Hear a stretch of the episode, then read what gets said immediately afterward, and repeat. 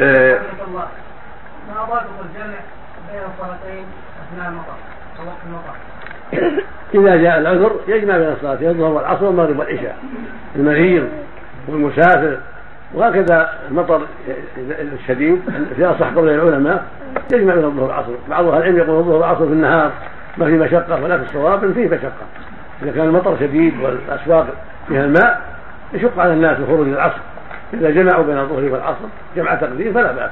كالمغرب والعشاء وكالمسافر وكالمريض سواء جمع في أول الوقت أو في وسط الوقت.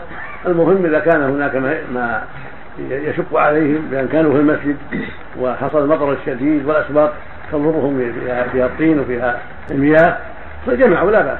وإن لم يجمعوا فلهم عذر يصلوا وجود وجود الأمطار والأسواق ووجود الطين لهم عذر في الصلاة في البيت. إن جمعوا فلا بأس. وإن صلى المسلم في بيته من أجل عذر فلا بأس. يعني المطر شرط وجود المطر المطر أو الطين والبحر